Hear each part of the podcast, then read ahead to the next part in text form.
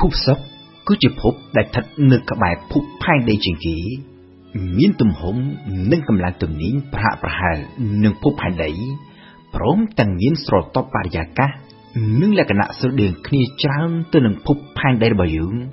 រហូតត្រូវបានគេចាត់ទុកថាជាបងប្អូនភ្លោះរបស់ភពផែនដីក៏ប៉ុន្តែជាទូទៅ នៅក្នុងការសិក្សាទៅលើអវកាសជាពិសេសការសិក្សាអំពីភពភពសុក្រនេះ ភាគច្រើនបែរជាត្រូវបានគេមើលរំលងទៅវិញនេះក៏ដោយសារតែតាមរយៈការសិក្សាជាច្រើនការពីពេលកន្លងមកគេដឹងថាភពសុក្រនេះអ្វីត្បិតតែមានលក្ខណៈស្រដៀងគ្នាច្រើនទៅនឹងភពផែនដីក៏ប៉ុន្តែវាគឺជាភពដែលមានសេតនាភាពក្តៅជាងគេបំផុតនៅក្នុងប្រព័ន្ធព្រះអាទិត្យរបស់យើងគឺមានសេតនាភាពរហូតដល់ទៅជាង460អង្សាឯណោះ នៅក្នុងសេតនាភាពកម្រិតខ្ពស់បែបនេះសូម្បីតែលោហៈមួយចំនួនរួមមានដូចជាសង្កសីនិងសំណជាដើមក៏ត្រូវរលាយចំណែកឯយានគ្មានមនុស្សបើកជាច្រើនគ្រឿងដែលគេធ្លាប់បញ្ជូនទៅកាន់ភពសុក្រកាលពីពេលកន្លងមកនោះក៏មិនមានយានណា ដែលអាចថិតថេរនៅលើដីភពសុក្របានយូរនោះដែរហើយដូច្នេះហើយបានជាភពសុក្រភាគច្រើនត្រូវបានគេមើលរំលង មិនសូវជាមានគម្រោងបញ្ជូនយានឲ្យទៅសិក្សាលម្អិតដូចជាភពអង្គារជាការពិតគេឃើញថាចាប់តាំងពីឆ្នាំ2004មក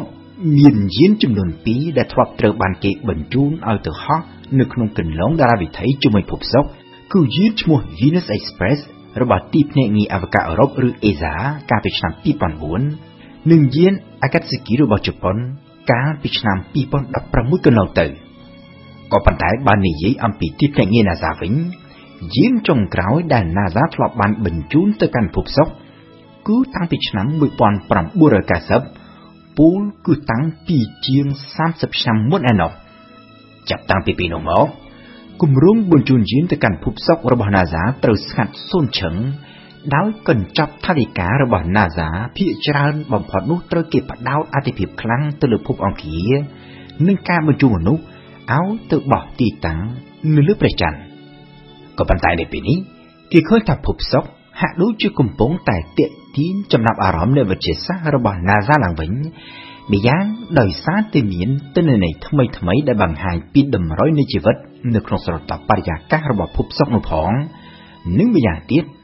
ដោយសារតែការវិភាគទៅលើទិន្នន័យតាមប៉ុន្មានដែលគេប្រមូលបានពីភពសុក្រកាលពីពេលកន្លងមក វាធ្វើឲ្យគេកាន់តែមានមន្ទិលសង្ស័យថាភពសុក្រនេះប្រហែលជាធ្លាប់មានមហាសមុទ្រមានផ្លាកតិចតនិកនិងមានសកម្មភាពភ្នំភ្លើងដូចជានៅលើភពផែនដីរបស់យើងកាលពីអតីតកាលកាលពីថ្ងៃទី2មិថុនាកន្លងទៅនេះទីភ្នាក់ងារ NASA បានប្រកាសឲ្យដឹងអំពីគម្រោងបញ្ជូនយានដល់ទៅពីគ្រឿងទៅកាន់ភពសុក្រដែលនឹងត្រូវធ្វើនៅក្នុងចន្លោះពីឆ្នាំ2028ទៅឆ្នាំ2030ខាងមុខ យានគ្មានមនុស្សបើកតាំងពីគ្រឿងនេះមួយមានឈ្មោះថា Da Vinci Plus ចំណែកមួយទៀតមានឈ្មោះថា Veritas Da Vinci Plus គឺជាប្រភេទយានដែលត្រូវចុះទៅដល់ដីរបស់ភពសុក្រហើយមានបេសកកម្មចម្បងចម្បងចំនួន2ទី1គឺសិក្សាលម្អិតអំពីធាតុផ្សំនៃបរិយាកាសរបស់ភពសុក្រដើម្បីធ្វើយ៉ាងណាអាចស្វែងយល់ថាតើបរិយាកាសនេះចាប់កំណើតឡើងដោយរបៀបណា មានការវិវត្តបែបណាខ្លះទើបវាคล้ายទៅជាស្រទាប់បរិយាកាសដែលពោពេញទៅដោយឧស្ម័នផ្ទះកញ្ចក់យ៉ាងក្រាស់ឃ្មឹកដូចជាពេលបច្ចុប្បន្ននេះហើយនឹងដើម្បីកំណត់ថាតើនៅលើភពសុក្រនេះអាចមានមហាសមុទ្រដែរឬក៏យ៉ាងណាកាលពីអតីតកាលបេសកកម្មចំអទី2គឺ Da Vinci ដែលបំពាក់ទៅដោយកាមេរ៉ាទំនើបនឹងថតយករូបភាពយ៉ាងច្បាស់និងដោយលម្អិតបំផុតដែលគេមិនធ្លាប់ធ្វើ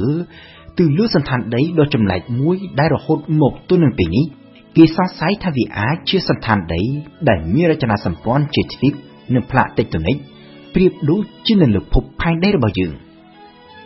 យានទី2វិញគឺយាន Veritas គឺជាប្រភេទ orbiter ដែលត្រូវស្ថិតនៅក្នុងគន្លងតារាវិថីហើយបេសកកម្មចម្បងគឺសិក្សាលម្អិតទៅលើសន្តានដី បង្កើតទៅជាផែនទីពេញលេញមួយនៅស្ទើរតែទូទាំងភពសុក្រទាំងមូល ហើយព្រមទាំងប្រមូលទិន្នន័យផ្សេងទៀតដើម្បីអាចឲ្យគេកំណត់ថាតើនៅលើភពសុក្របច្ចុប្បន្ននេះ នៅតែបន្តមានភ្នំភ្លើង និងចលនាផ្លាកតិចតូនិកសកម្មដែរឬក៏យ៉ាងណា ការសិក្សាលម្អិតទៅលើចំណុចអស់ទាំងនេះនេះមិនត្រឹមតែអាចឲ្យយើងយល់កាន់តែច្បាស់អំពីភពសុខនោះទេក៏ប៉ុន្តែរឹតតែសំខាន់ជាងនេះទៅទៀត វាក៏អាចឲ្យយើងស្វែងយល់កាន់តែច្បាស់បានផងដែរ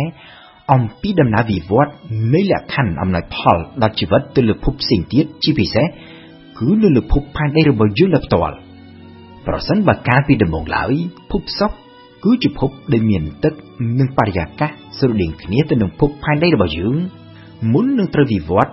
ទៅជាភពដែលគ្របដណ្ដប់ពេញទៅដោយឧស្ម័នផ្ទះកញ្ចក់ ហើយអាកាសធាតុត្រូវប្រែប្រួលរហូតឡើងកម្ដៅដល់កម្រិតកម្ពូលដូចជាពេលបច្ចុប្បន្ននេះដូច្នេះអ្វីដែលអាចកើតឡើងនៅលើភពសុខនោះ វាក៏អាចកើតឡើងបានដែរនៅលើភពផែនដីរបស់យើងហើយអ្វីដែលយើងអាចសង្កេតឃើញនៅលើភពសុខបច្ចុប្បន្ននេះវាអាចជាសេណារីយ៉ូមួយនៃដំណើរវិវត្តអាកាសធាតុនៅលើភពផែនដីរបស់យើង នៅក្នុងរយៈពេលវែងទៅខាងមុខ